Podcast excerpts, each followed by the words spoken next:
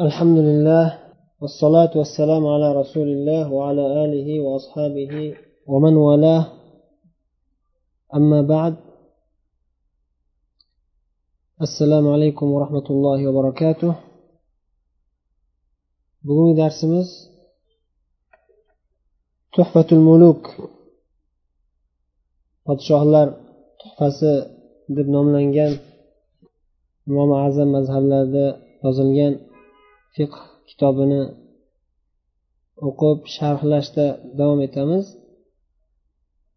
Avval birinchi darsda o'tgan masalalarni qisqacha bir takrorlab o'tsak. Esinglarda bor o'tgan darsimizda tuhfatul muluk kitobi haqida nima uchun bu nom bilan nomlanganligi va muallif zayniddin muhammad ibn abi bakr ar roziy rahimaulloh haqlarida qisqacha ma'lumot bilan tanishdik. Undan keyin nima uchun ulamolar fiqh ilmini taqsimlashda mavzularga taqsimlashda deyarli hammalari bir xil tartibda taqsimlashgan ibodat qismini ibodatlar qismini birinchi tartibga qo'yib keyin muomalatlar qismini ikkinchi darajaga qo'yib ibodatlar qismini ham tafsilotini tartiblashda birinchi kitobi tahora tahorat kitobi undan keyin namoz kitobi va hokazo tartiblashgan. Nima uchun shu tartibda bo'lganligini aytib o'tganmiz. Keyin kitobi tahoraga kirishgandik tahorat deganni ma'nolarini aytib o'tdik. Ya'ni tahoratni buzadigan narsalardan poklanish va najosat najosat narsalardan poklanishga tahorat deyiladi. Ya'ni o'zbekchadagi tahoratdan ko'ra kengroq ma'no ya'ni g'usul ham kirib ketadi. O'zbekchada biz tahorat deb aytadigan qo'l tahorat ham kirib ketadi. Va najosatlarni yo'q qilish ham kirib ketadi. Najosatlarni tozalab tashlab yo'q qilish ham tahoratga kirib ketadi. Undan keyin suvni taqsimlashda ulamolar suvni qanday taqsimlashganligi haqida ham aytib o'tdik. Suvni uch qismga bo'lishgan. Tohirun tahurun. O'zi pok va tahorat qilishga ham yaraydigan suv. Bu suvni sifati qanday? Bu suv sifati alloh taolo qanday yaratgan bo'lsa o'shanday holda o'zining xususiyatlari bilan turgan suvga shunday deyiladi. Tahur alloh taolo bu suvni qanday yaratgan bo'lsa u suvga insoniyat jihatdan o'zgartirishlar kiritilmagan bo'lsa ya'ni o'zgartirish deganda hozir ikkinchi uchinchi qismda keladigan narsalar aralashmagan bo'lsa bu suvga. Alloh taolo qanday yaratgan bo'lsa deganda demak dengiz suvlari ham kirib ketadi sho'r suv bo'lsa ham. Ba'zi bir quduqlar kovlanganda yer tagidan chiqadigan quduq suvi buloq suvi ba'zilari masalan achchiq suv bo'lishi mumkin yoki hidlanib qolgan bo'lishi mumkin. Bular ham hammasi tohur bo'laveradi. Ikkinchi qismi tohir suv. Pok suv lekin tahorat qilishga yaramaydigan suv. Bu suvda demak tohir suv ya'ni avval tahur bo'lgan keyin tohir bo'lib qolgan. Avval tahorat qilish joiz bo'lgan keyin tahorat qilish bo'lmaydigan tahorat qilishga ruxsat berilmaydigan bo'lib qolgan suvni aytdik. Buni muallif rahimaulloh qisqacha ta'rif berganda aytdilarki kullu ma'in uzila bihi hadathun kullu ma'in uzila bihi hadathun au uqimat bihi qurbatun. Har bir suvki bu u suv bilan u suv bilan hadas ketkazilgan ya'ni tahorat tahorati yo'q odam u suv bilan tahorat qilgan. Xoh tahorat qilishida niyati bo'lgan bo'lsin xoh niyati bo'lmagan bo'lsin. Xoh tahoratini ya'ni tahorati yo'q odam tahorat qilsa o'sha odam tahorat qilgan suv tohur tohur sifatini yo'qotadi tohir bo'lib qoladi. Tahorati yo'q odam tahorat qilsa deganda kichkina tahorat ham katta tahorat ham kirib ketadi. Qurbatun deganda ibodat qilingan suv. Bir suv bilan kimdir shu suvni ishlatib ibodat qilgan ya'ni niyat bilan niyat bilan tahorat qilgan odam yoki g'usul qilgan odam. Ya'ni masalan juma kuni jumaga niyat qilib g'usul qildi. Yoki hayitga niyat qilib g'usul qildi. Bu odam tahorati bor bo'lsa ham tahorati bor bo'lsa ham yana qaytadan niyat qilib tahorat qilsa ana shu tahorat qilgan suvi tohur sifatini yo'qotib tohir bo'lib qoladi. Bir odam bir suvni ishlatsa u odamdan qolgan suv tohur holatida qolishi uchun tohirga aylanib qolmasligi uchun ikkita shart ya'ni o'sha suvni ishlatgan odamni tahorati bo'lishi kerak xuddiki. Ya'ni bu o'zi shart emas ya'ni masalan oddiy qo'l yuvish bilan kifoyalangan odam tahorati bo'lmasa ham qo'l yuvsa undan oqib tushgan suv tahurlik holatda turaveradi. Lekin biz nima uchun hozir tahorat bo'lishi kerak deyapmiz? Komil a'zosini yuvgan bo'lsa yoki yuvinish e, maqsadida faqat ibodat maqsadida emas bir yuvinib chiqish maqsadida cho'milgan bo'lsa. O'shaning uchun tahorat bo'lishi kerak. Agar tahorati yo'q odam tahorati yo'q odam tahoratga niyat qilmasdan cho'milib chiqsa tahoratli bo'lib qoladi. Tahoratli bo'lib qoladi. Natijada u suv ishlatilgan suv tahoratda ishlatilgan suv bo'lib qoladi. Va tohur holatini yo'qotadi. Ikkinchi sharti umuman tahorati bor odam bo'lsa ham niyat qilmasdan ishlatilgan suv bo'lishi kerak. Agar niyat qilib cho'milgan bo'lsa niyat qilib g'usul maqsadida niyat qilib cho'milgan bo'lsa jumagami hayitgami g'usul qilib yoki ehromgami o'zi tahorati bor yana tahorat qilyapti. Bu odamni ham suvi tohur holatini sifatini yo'qotib qo'yadi. Keyin uchinchi qismga o'tgandik najas suv. Suv qachon najosatga aylanadi? Suv najosatga aylanish uchun bir qancha tafsilotlar bor. Najosat suv haqida. Birinchisi ozgina suv bo'lsa agar endi suvlar oldingizda ya'ni tahorati tahorat qilmoqchi bo'lgan odam najas suvda tahorat qilishi mumkin emas. Endi oldidagi suv oldidagi suvga najosat tushgan bo'lsa endi u suvga qaraladi. Ozgina suvmi ko'pgina suvmi? Agar ozgina suv bo'lsa u bo'ldi. U najosatga aylandi tashlab yuborish kerak bo'ladi. Tahorat qilish mumkin emas bo'ladi. Xoh u suvga o'zgartirish ya'ni tushgan najosat o'zgartirish kiritdimi kiritmadimi farqi yo'q. Ya'ni rangi ta'mi hidi o'zgarmagan bo'lsa ham ozgina suvga ozgina najosat tushdimi? Bo'ldi. U suv najosatga aylandi. Tashlab yuboriladi. Ammo agar ko'pgina suv bo'lsachi ko'pgina suv bo'lsa keyin qaraladi. Ko'pgina suvga tushgan ozgina najosat bo'lsa va u najosatni hech qanday bir ta'siri bo'lmasa u najosat bu ko'p suvga tushib biron bir ta'sir o'tkazmagan bo'lsa ya'ni hidini rangini ta'mini o'zgartirmagan bo'lsa najosat bo'lmaydi. Tohur holatda qoladi. Agar biron bir sifatini o'zgartirsa bo'ldi u najosatga aylanadi. Ko'pgina suv bo'lsa ham oqayotgan suv bo'lsa ham najosatga aylanadi deb aytdik. Keyin ko'pgina suv bilan ozgina suvni miqdorini qanday ajratamiz? Bu haqida ham aytdikki ixtilof bor. Ba'zi ulamolar kirbos o'lchovi bilan o'n ziro bo'lsa deyishgan o'nga o'n bo'lsa o'n ziro uzunligi o'n ziro kengligi deyishgan. Buni hozirgi zamoniy miqyoslar bilan hisoblanganda qirq olti santimetru yana ozgina.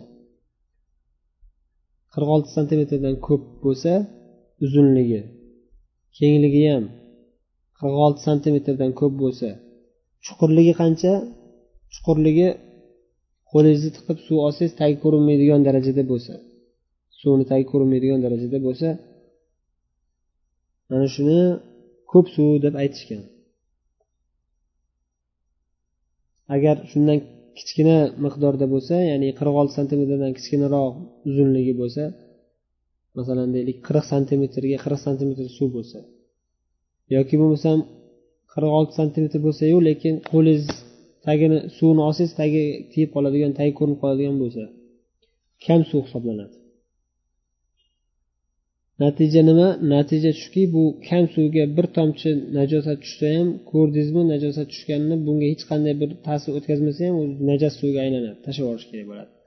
Agar ko'p suv bo'lsa qirq olti santimetrga qirq olti santimetr chuqurligi qo'lingiz bilan olsangiz tagi ko'rinib qolmaydigan darajada bo'lsa ozgina najosat tushib hech qanday o'zgartirish kiritmasa bu tohur suvligicha qolaveradi. Endi bu qirq olti santimetr deganlar bular ishtihodiy bu ham. Ba'zi boshqa ulamolar xususan imom abu hanifadan rivoyat qilinishicha bu boshiga o'sha holat tushgan odam o'zi taxmin qiladi deganlar.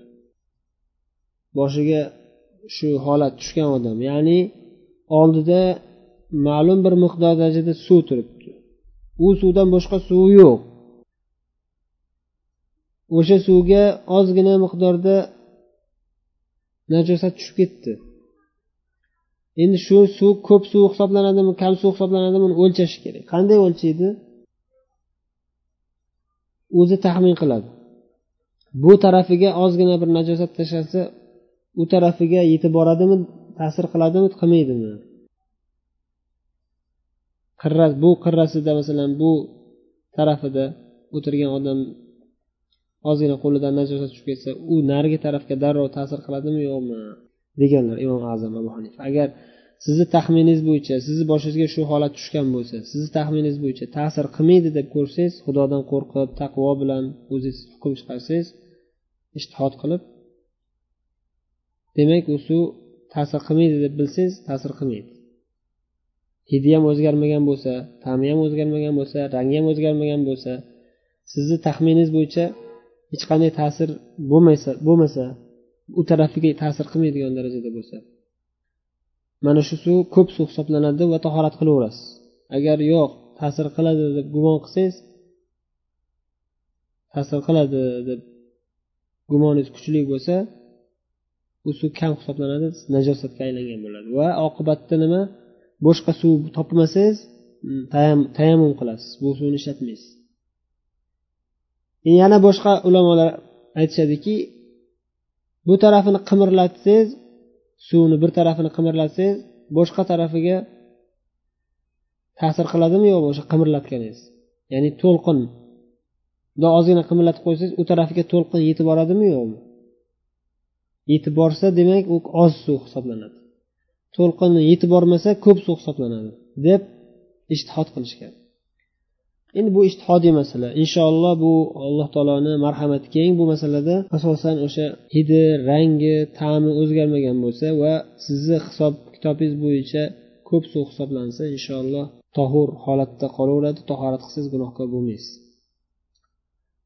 Agar ta'sir qiladi deb e'tiqod qilib tayammum qilsangiz suv topolmagan bo'lsangiz boshqa toza suv topolmagan bo'lsangiz tayammum qilsangiz ham inshaalloh alloh rahim zot.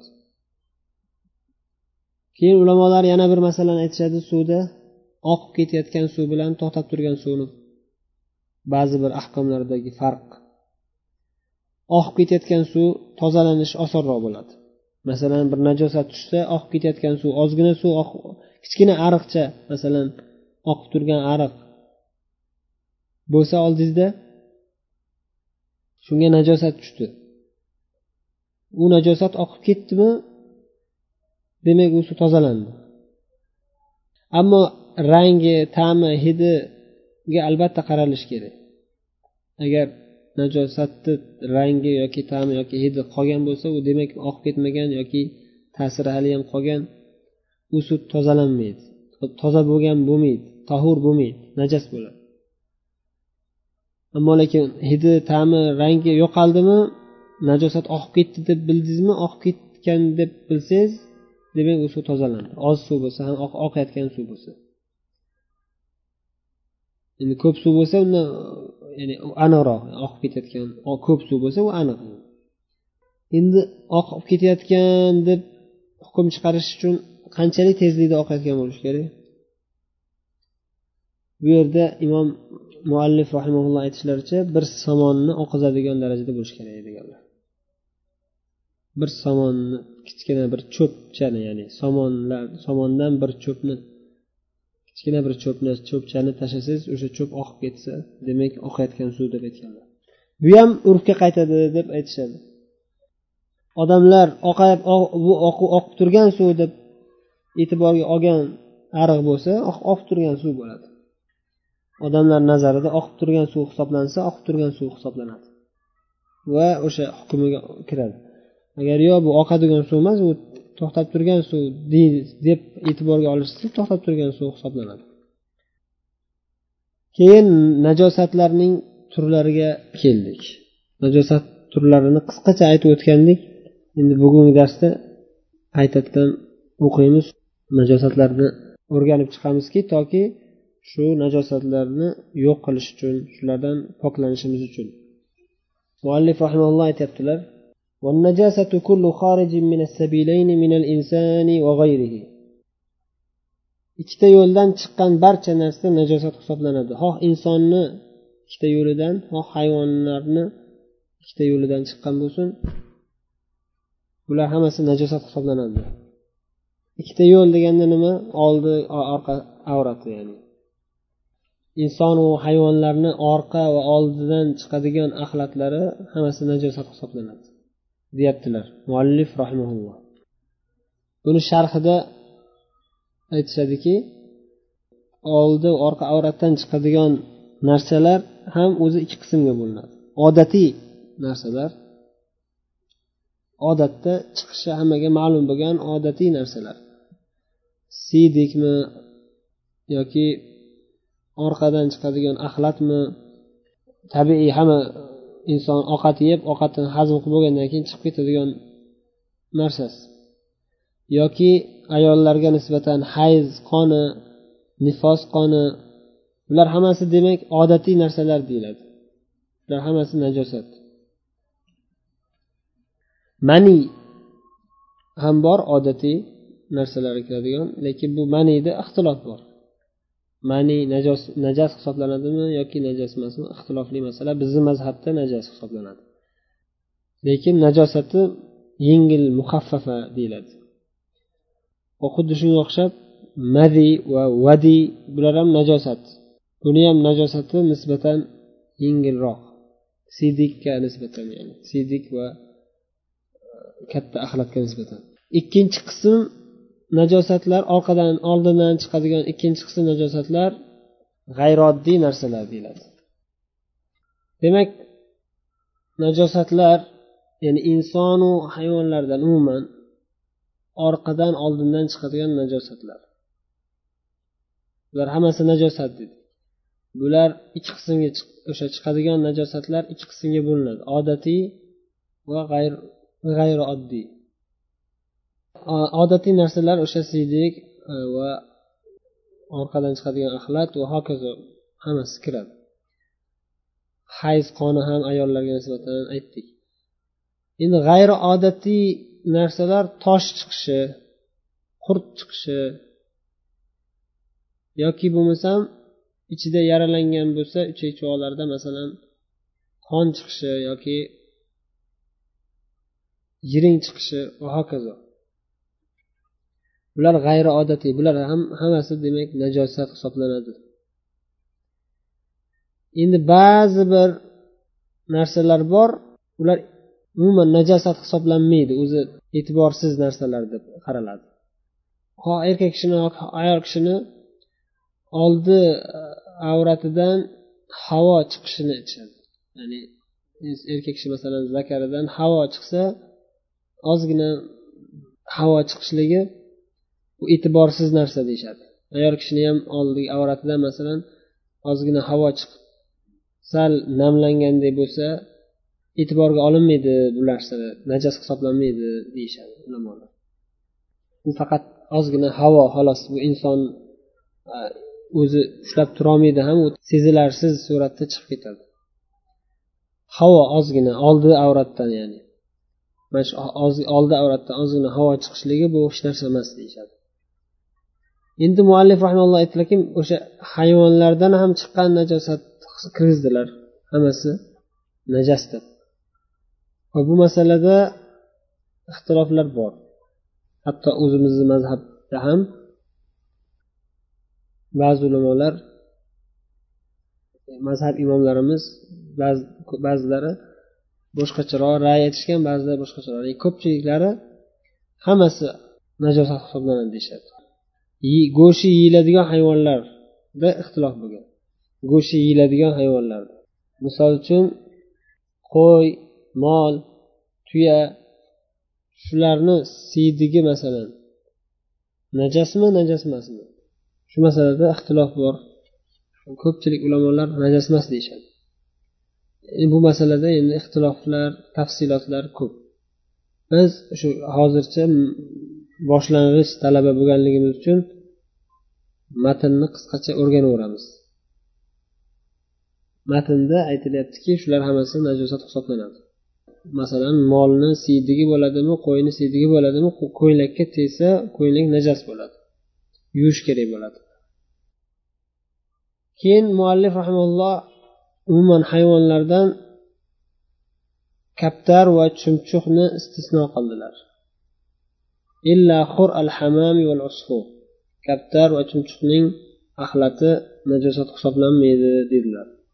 Bu yerda kaptar va chumchuq deganda nafaqat shu kaptar va chumchuq balki shu kaptar va chumchuqga o'xshagan qushlar ya'ni go'shti yeyish joiz bo'lgan qushlar faqat sharti havoda uchib turgan holatida axlatini chiqaradigan qushlar. Kaptar chumchuq shunga o'xshagan havoda uchib yuradigan va havoda uchib yurgan holatida axlatini chiqaradigan. Birinchi sharti axlatini o'sha havoda chiqaradigan qush bo'lsa. Ikkinchi sharti go'sht yeyilishi joiz bo'lgan hayvon bo'lishi kerak. Kaptar chumchuq va hokazo agar havoda uchib yurgan holatida axlatini chiqaradigan qushlardan hisoblanmagan qush bo'lsa masalan o'rdakmi tovuqmi g'ozmi bular najosat hisoblanar ekan axlat keyin yana bitta xususiyatini aytishdiki o'sha kaptar chumchuq o'xshaganlarni e, sharhda imom ayni aytdilarki uni najosati judayam sassiq bo'lmaydi sassiq bo'lib ja qattiq fosil bo'lib ketmaydi kaptar bilan chumchuq najosati. Yengilroq uniki hidi ham sassiqligi yengilroq degan ma'noda aytibdilar. Va yana shayx homid sharhda aytgan illati ya'ni sababi bu nimaga kaptar bilan chumchug'i najosatini axlatini najosat hisoblanmaydi deyilganda ya'ni bulardan saqlanish qiyin mashaqqat bo'ladi odamlarga agar bularni tozalanish kerak desak. Ya'ni masalan ko'chada ketayotganingizda tepangizdan kaptar yoki chumchuq o'z axlatini chiqarib yuborsa keyin kiyimingizga tegsa u kiyimni tozalab yana namozga qaytadan pokiza bo'lib borishlik qiyin bo'ladi odamlarga mashaqqat bo'lib ketadi shuning uchun bunga yengilroq qaraymiz deyishgan ekan. Keyin biz hozir aytdikki o'sha nafaqat kaptar bilan chumchuq balki shunga kaptar chumchuqqa o'xshagan qushlar ham kirib ketaveradi. Faqat sharti go'shtni yeyish joiz bo'lgan qushlar bo'lishi kerak dedik. Chunki go'sht yeyish harom bo'lgan qushlar bor tepada uchib ketayotgan holatida axlatini chiqaradigan qushlarga kiradi. Masalan lochin kalxat yirtqich qushlar hisobiga kiradigan. Shunga o'xshash ya'ni. Bu qushlar go'sht ham harom va bu axlat ham najas hisoblanadi. Endi birinchi najosat aytganimizni xulosa qilaylik. Yana bir bor takrorlab. Kullu ikkita yo'ldan oldi va orqa avratdan chiqqan barcha narsalar najosat hisoblanadi. Xoh insondan bo'lsin xoh hayvondan bo'lsin. Faqatgina kaptar va chumchuqqa o'xshagan qushlarniki najosat hisoblanmaydi. Ikkinchi najosat turi qon. Qon ham hammasi najosat. Hamma qonlar barcha qonlar turi najosat hisoblanadi. Faqatgina undan istisno qilinadigan narsalar ya'ni ba'zi bir qonlar bor e'tiborga olinmaydi najosat deb aytilmaydi. Birinchidan jigar najosat qon hisoblanmaydi. Chunki jigar qotib qolgan qon o'zi asli. Lekin rasululloh sallallohu alayhi vasallam bizga halol qilib berildi deganlar. Ottihal yana o't tihal u ham qon. Samak. Va baliqni qoni. Bular najosat emas deyishadi. Boshqa qonlar hammasi najosat. Insonni qoni hayvonni qoni hammasi najosat hisoblanadi. Yana najosat hisoblansa ham lekin mafun anhu kechirib yuborilgan deb yengil qaraladigan qonlardan burga yoki chivin shular ichgan qon shuni chivinni o'ldirsangiz qon chiqsa burga yoki kana bularni qoni o'ldirilganda bulardan chiqadigan qon ham najosat hisoblanmaydi. Hop keyingi najosat al qayh va sadid yiringlar. Yiringlarni ulamolar arabchada ya'ni ikki qismga bo'lishadi. Qayh va sadid qayh degani qattiqroq bo'ladi. Sodid suyuqroq bo'ladi. Qonga aralashgan bo'ladi sodid qonga aralashgan suyuqrog'ini sodid deyiladi yiringni qattiq qotib qotib sal qotganroq bo'lsa u qayhga aylanadi? Faqat bu uchta najosat ya'ni qon yiring e, qoyh sodid ya'ni qon va yiring bo'lgan najosat najas deb hisobga olinishi uchun shart bor. Tahorat qilish kerak bo'lgan joyga oqib chiqsa o'shanda najosat hisoblanadi ya'ni masalan bir kishi yaralandi ozgina igna masalan deylik igna kirib ketdimi qon chiqdi lekin oqib ketmadi chiqqan joydan tashqariga e, kengaymadi o'sha kichkina jarohat yetgan joydan tashqariga kengaymadi bu najosat hisoblanmaydi. Xuddi shunga o'xshab yiring ham. Agar yeringlagan joydan tashqariga chiqib kengaymasa kengaymasa u najosat hisoblanmaydi. Kengaysa najosat hisoblanadi. O'sha kengaygan joylarini tozalash kerak bo'ladi. Keyingi najosatga o'tsak al xamr aroq. Aroq ham najas bizni mazhabda. Maxsus najosat. Nafaqat bizni mazhabda o'zi to'rtta mazhab ulamolari najasa haqiqiy deyishgan lekin to'rtta mazhab ulamolarini aksariyatlari ya'ni. Keyin ba'zi bir boshqa ulamolar buni yo bu haqiqiy najosat emas ma'naviy najosat deyishgan. Ya'ni ichish harom. Shak shubhasiz sotish harom. Va hokazo lekin aroq kiyimga tegib ketsa yoki badanga tegib ketsa yuvib tozalash shart emas deyishadi chunki u o'zi o'zi tozalanib uchib ketadi. O'zi najos emas ya'ni. Imom ayniy rahimaulloh minhat suluk deb nomlagan tuhfatul muluk sharhida aytadilarki aroqni bir necha hukmi bor. Aroqqa xos bir qancha hukmlar bor. Shularni qisqacha aytib o'tsak birinchidan aroqni ozi ham ko'pi ham ijmo barcha ulamolar ittifoqlari bilan harom haromligi aniq. Bir tomchi aroq ham harom undan ko'p ham harom. Bir tonnasi ham harom bir tomchisi ham harom. Hammasi harom. Ozginasi bo'lsa ham ko'pginasi bo'lsa ham harom. Ma askara kathiruhu faqaliluhu harom deganlar rasululloh sallallohu ko'p ichsa mast qiladimi o'sha ko'p ichsa mast qiladigan narsani ozginasi ham harom deganlar. Ikkinchi hukmi kimki aroqni halol desa kofir bo'ladi. Halol deb e'tiqod qilgan odam aroqni halol deb e'tiqod qilgan odam kofir bo'ladi. Alloh harom qilgan narsani halol deydigan odam kofir bo'ladi. Uchinchi hukmi aroqning najosati juda ham yomon najosat qattiq najosat mug'allava deyaptilar. Xuddi siydikka o'xshagan juda ham qabih najosat qattiq najosat deyaptilar. To'rtinchi hukmi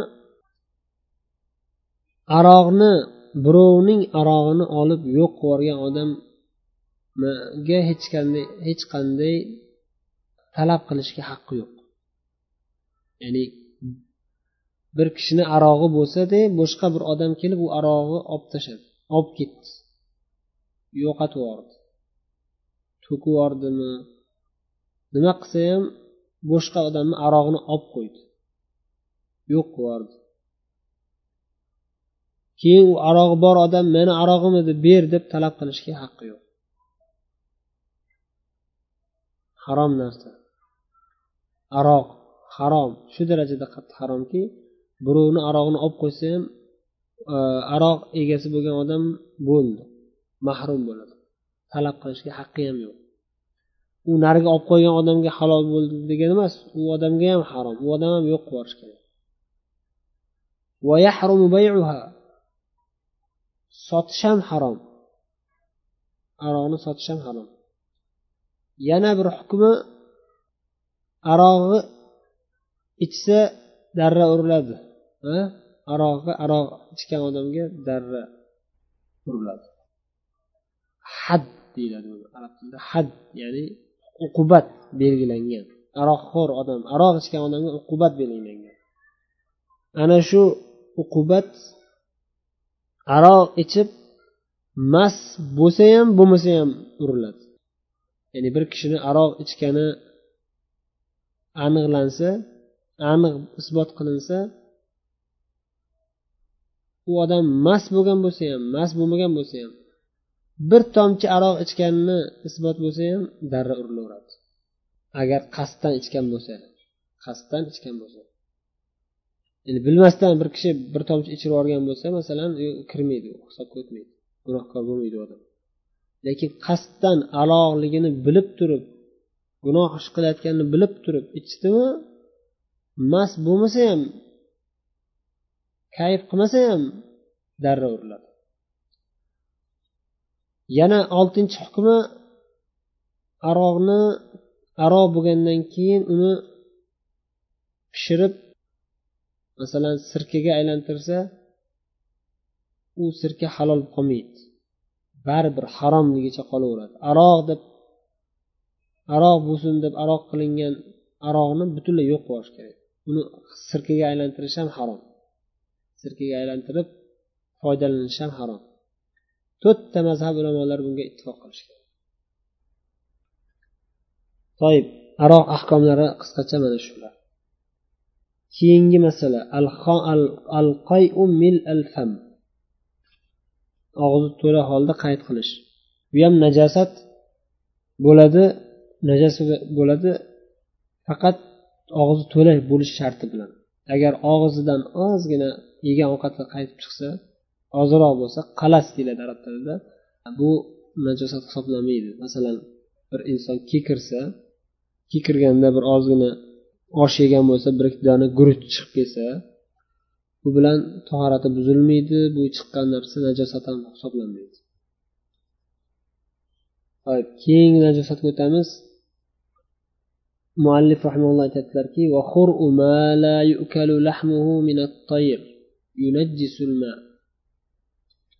go'shti yeyish go'shtini yeyish harom bo'lgan hayvonlarning axlati go'shtini yeyish harom bo'lgan qushlar deyaptilar.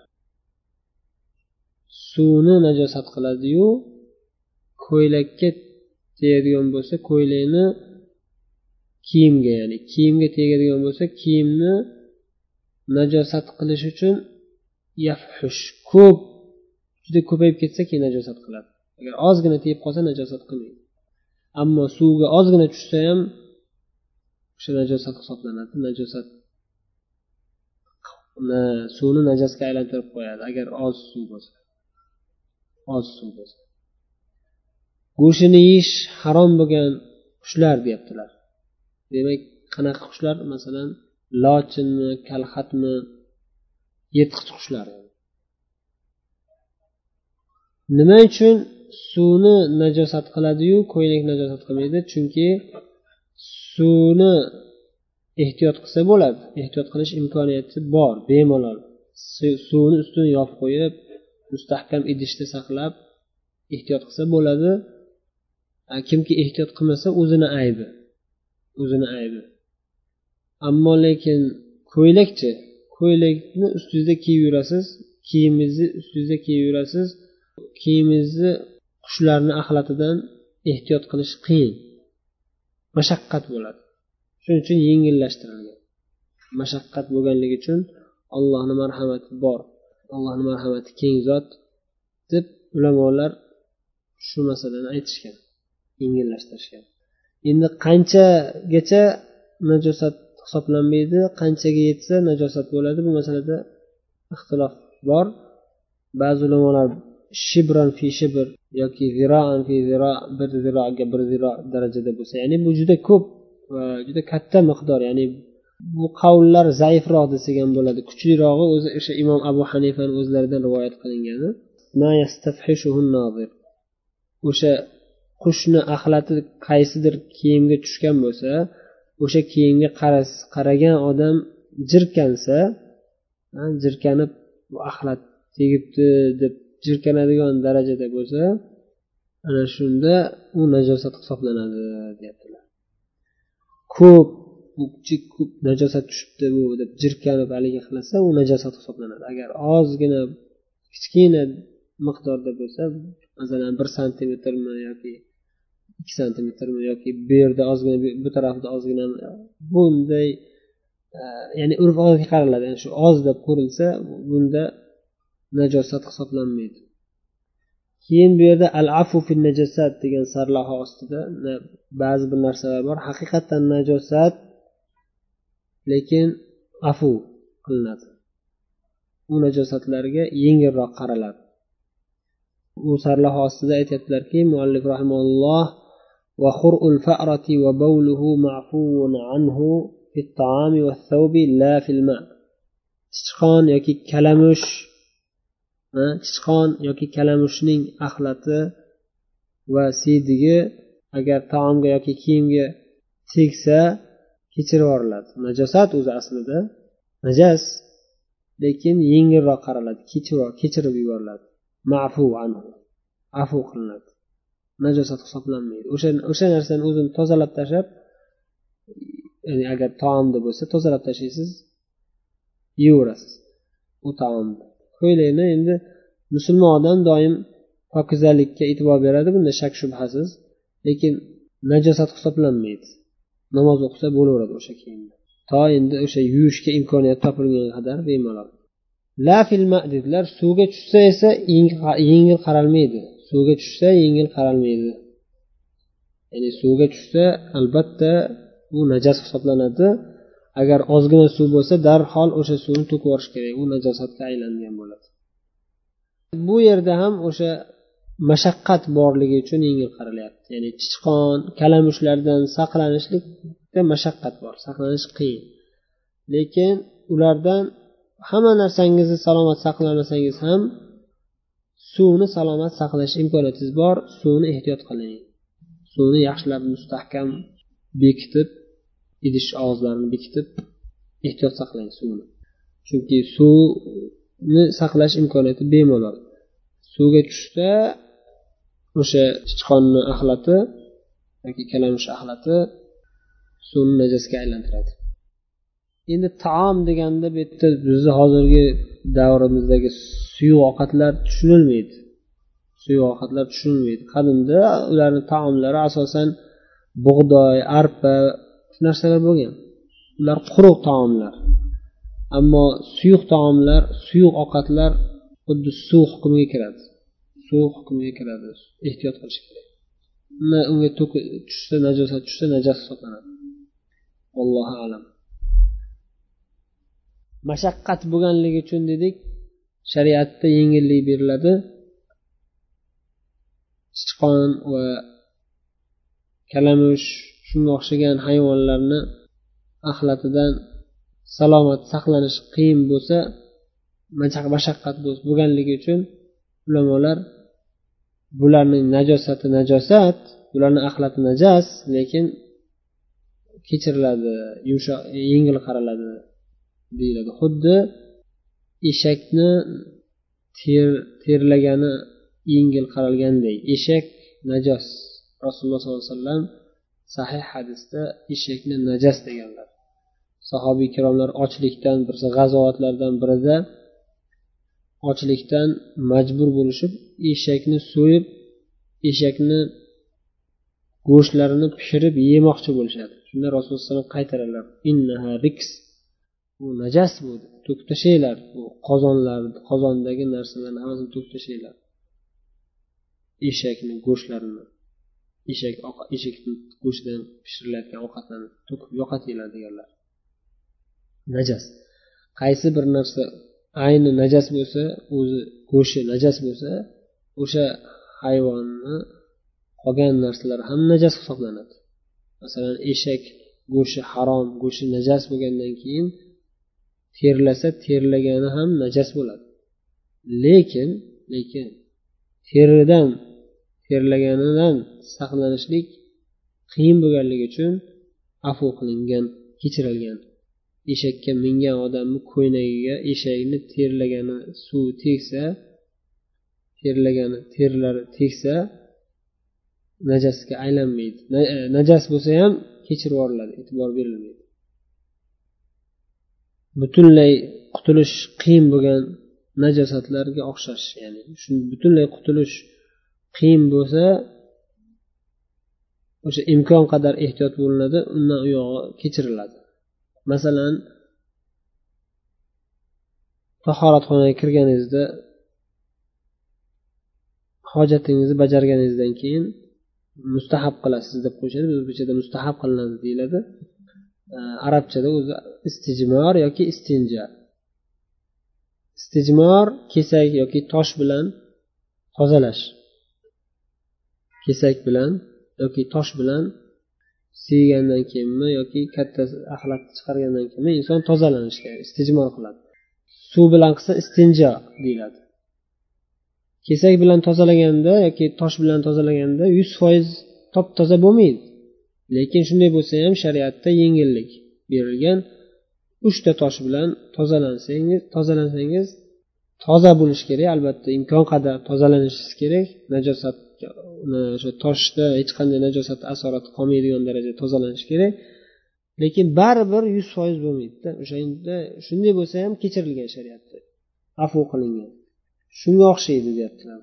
Sichqonni yoki kalamushni axlatlaridan butunlay qutulish imkoniyati qiyin mashaqqat bo'ladi judayam qiyin bo'lib ketadi odamlarga. Shuning uchun bu ozgina najosati taomga tushsa yoki ko'ylakka tegsa zarari yo'q. Taom o'sha taom deganda quruq taomlarga. Non yoki bug'doy yoki guruch shunga o'xshagan taomlarga. Keyingi nuqtada aytyaptilarki baq deb darsda chivin deb aytishdi lekin lug'at kitobdan qarasam uni kana debdi haligi taxta kana deb yozibdi. Yoki mita undan chiqadigan mitasi un mitasi debdi. Endi xoh chivin bo'lsin xoh kana bo'lsin. Burga barog'iy ya'ni burg'uz burga. Mana shularni qoni ham afun deyaptilar. Balig'i qoni ham afun deyaptilar. Kechiriladi. Ba'zi ulamolar nima uchun balig'i qonini kechiriladi najas emas deyiladi yoki ba'zilar najas emas deyishgan. Ba'zilar najas lekin kechirib yuboriladi deyishgan. Najas emas deganlar qon boshqa qonlardan farqi bor deyishgan. Chunki balig'i qoni oqar ekan qotib qolsa turib qolsa oqarar ekan boshqa qonlar qorayib qotib qoladi. Balig'iki bo'lsa oqarib oqarib oqarar ekan e, shunga yengilroq qaraladi deyishadi. Vallohu alam. E, lekin biz najas emas desak ham bo'ladi chunki rasululloh sollallohu alayhi vasallam sahih hadisda dengiz haqida gapirganlarida dengiz suvi ham tohur pok suv tahorat qilsa bo'ladigan va maytasi maytasi o'limtigi ham halol suv deganlar. Yana bir hadisda aytadilarki bizga ikkita o'limtik halol qilindi va ikkita qon halol qilindi deganlar. Ammal maytatani falhut val jarod. Faljarod val hut. Ikkita o'limtik kit bilan kit deganda hamma baliqlar turi kirib ketadi. Val jarod chigirtka. Uni ham o'limtigi halol. Ikkita qon esa jigar bilan o't attihal adashmasam o't edi o'zbekchasida. Demak o'limtik balig'i o'limtigi halol bo'lgandan keyin o'sha o'lganda ichida qoni ham ichida qolib ketadi. O'shanda o'limtik holatda yegan yeyish joiz bo'lgandan keyin demak qoni ham halol degan najas emas pok degan hukm chiqadi. Allohu alam. Keyingi nuqtada aytyaptilarki وشعر الميتة وكل جزء منها لا حياة فيه طاهر o'limtikni juni va shu o'limtikdagi joni yo'q degan joni yo'q bo'lgan barcha a'zolari juzlari ajzolari tohir ya'ni o'limtik masalan deylik bir mol buqa o'lib qolgan buqani junlari ham shoh bo'lsa shoxi suyaklari tirnoqlari oyog'i bular halol deb. Shu ma'noda ya'ni. Qush masalan o'limtik qush bo'lsa joni yo'q. A'zolari masalan o'sha qushni patlari. Xullas shu narsalar joni yo'q a'zolari o'zi tirikligida joni yo'q bo'lgan a'zolarida o'lgandan keyin joni yo'qligi hamma a'zosida joni yo'q o'lgandan keyin. Qonida ham joni yo'q. Lekin qoni go'shti harom o'limtik. Ammo lekin tirikligida tirik bo'lgan holatida ham joni yo'q bo'lgan a'zolari halol bo'ladi. Shoh dedik o'sha tirnoqlari yoki bo'lmasam juni va hokazo. Ichki suyaklari haqida ikki xil qavl bor ekan o'zimizni mazhabda. Ikkita rivoyat kelgan. Ba'zilar najas deyishgan ba'zilar pok deyishgan. Deyaptilar. Endi cho'chqa masalasi yoki to'ng'iz. To'ng'izni junlari to'ng'izni barcha a'zolari najasdir deyaptilar. Xoh joni yo'q a'zosi bo'lsin xoh joni bor. Hammasi harom. Najas. Faqatgina bitta narsasida ruxsat berilgan deyaptilar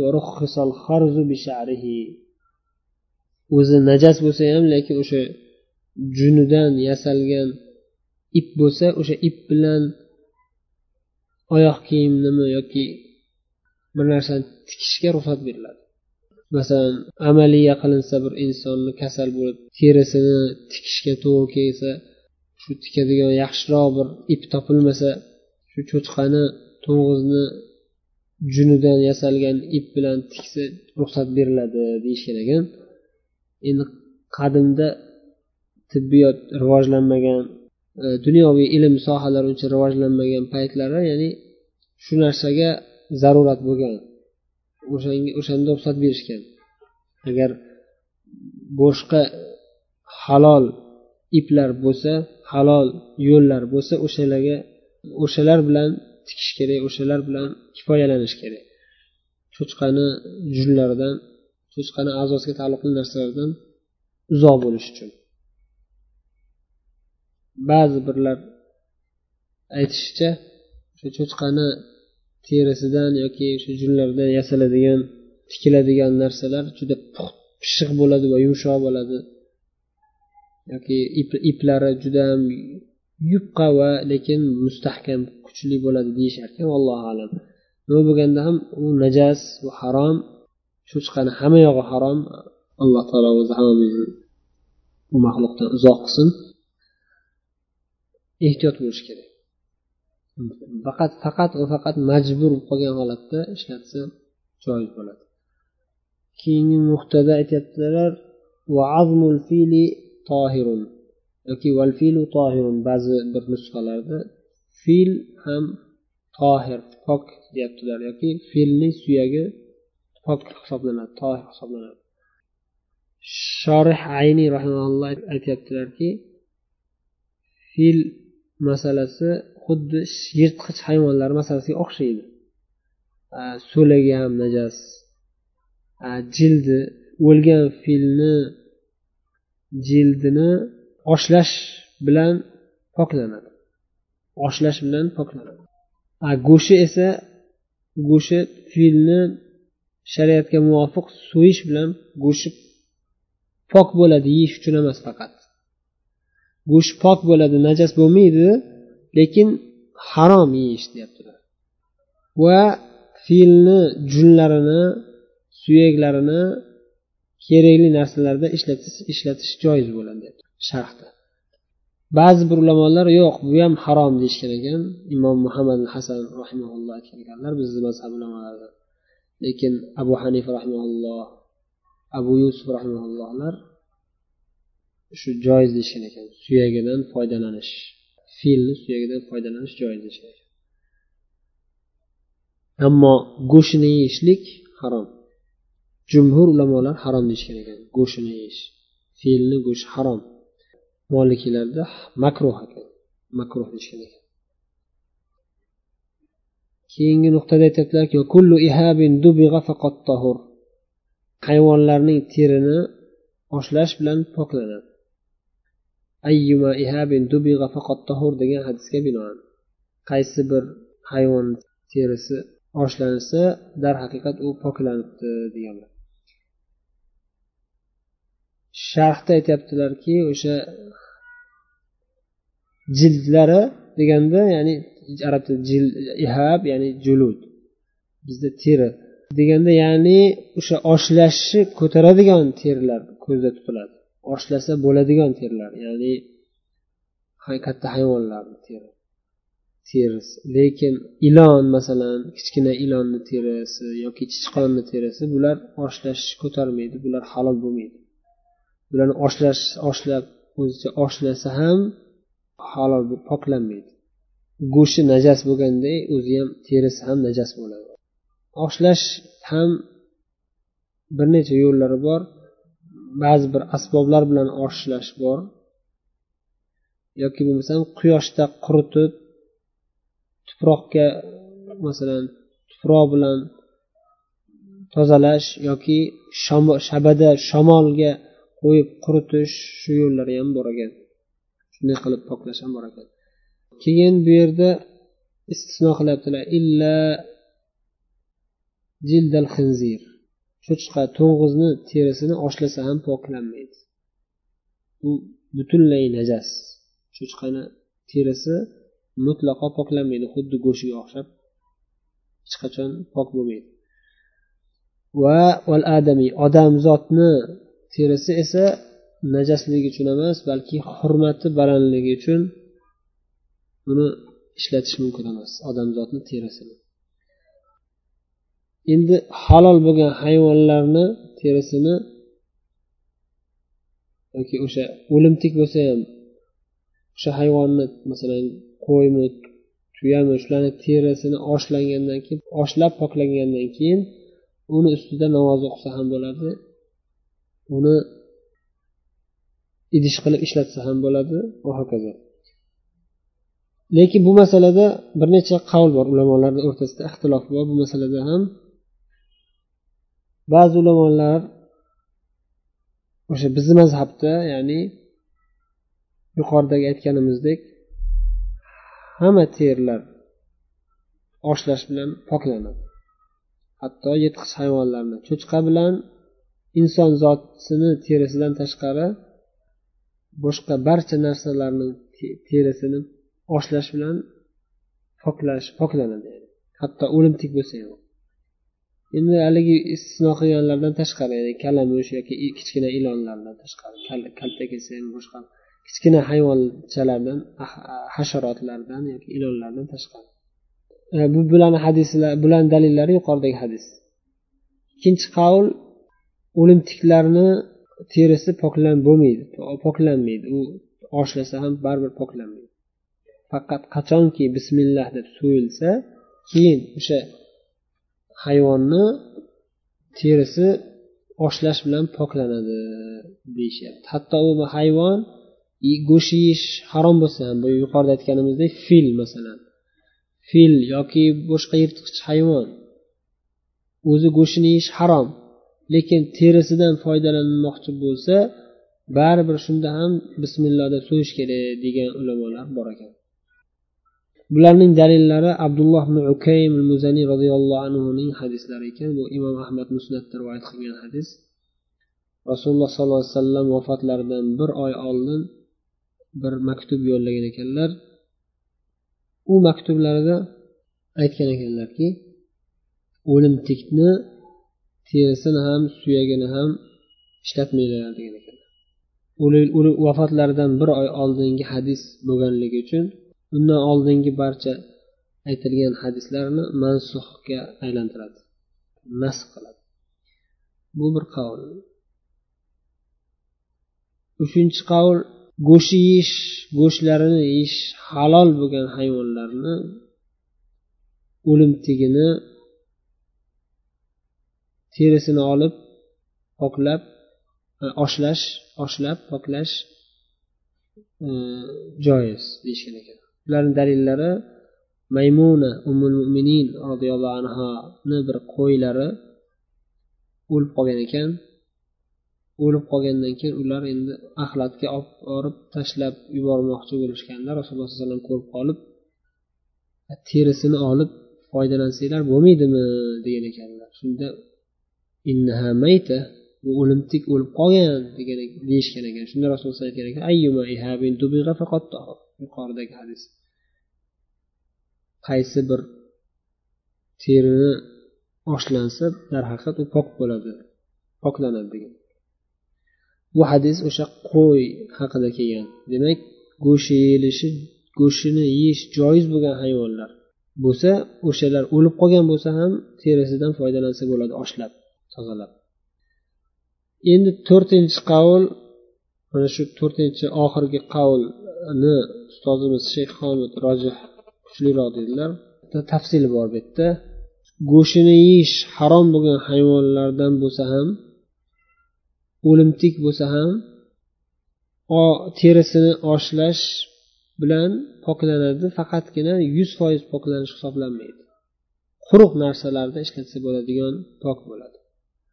Ammo ho'l nam suyuq narsalarda mumkin emas. Bo'ladi ya'ni masalan gilam qilib yoki ko'rpacha qilib to'shak qilib ishlatsa bo'ladi. Oshlagandan keyin o'limtikni terisini oshlab tozalab ko'rpacha qilib ishlatsa bo'ladi. Lekin suyuq narsalarga ishlatib bo'lmaydi. Ya'ni uni unga masalan u masalan deylik u biron bir o'limtik hayvonni terisini oshlab tozalab uni suv soladigan idish qilish yoki yog' idishga yog' solib qo'yadigan idishga o'xshatib yoki qimiz solib qo'yish. Masalan deylik bizda ko'proq uchraydigan holat qimiz ishlatish ya'ni. Xullas suyuq narsalarga ishlatib bo'lmaydi. Oshlagandan keyin ham. Ammo quruq narsalarga ishlatsa bo'ladi. O'sha agar agar o'limtik bo'lsa va go'shti yeyilmaydigan hayvonlardan bo'lsa ham ya'ni. Allohu alam va sallallohu vasallam va baraka ala nabiyina muhammad. Assalomu alaykum va rahmatullohi va barakatuh.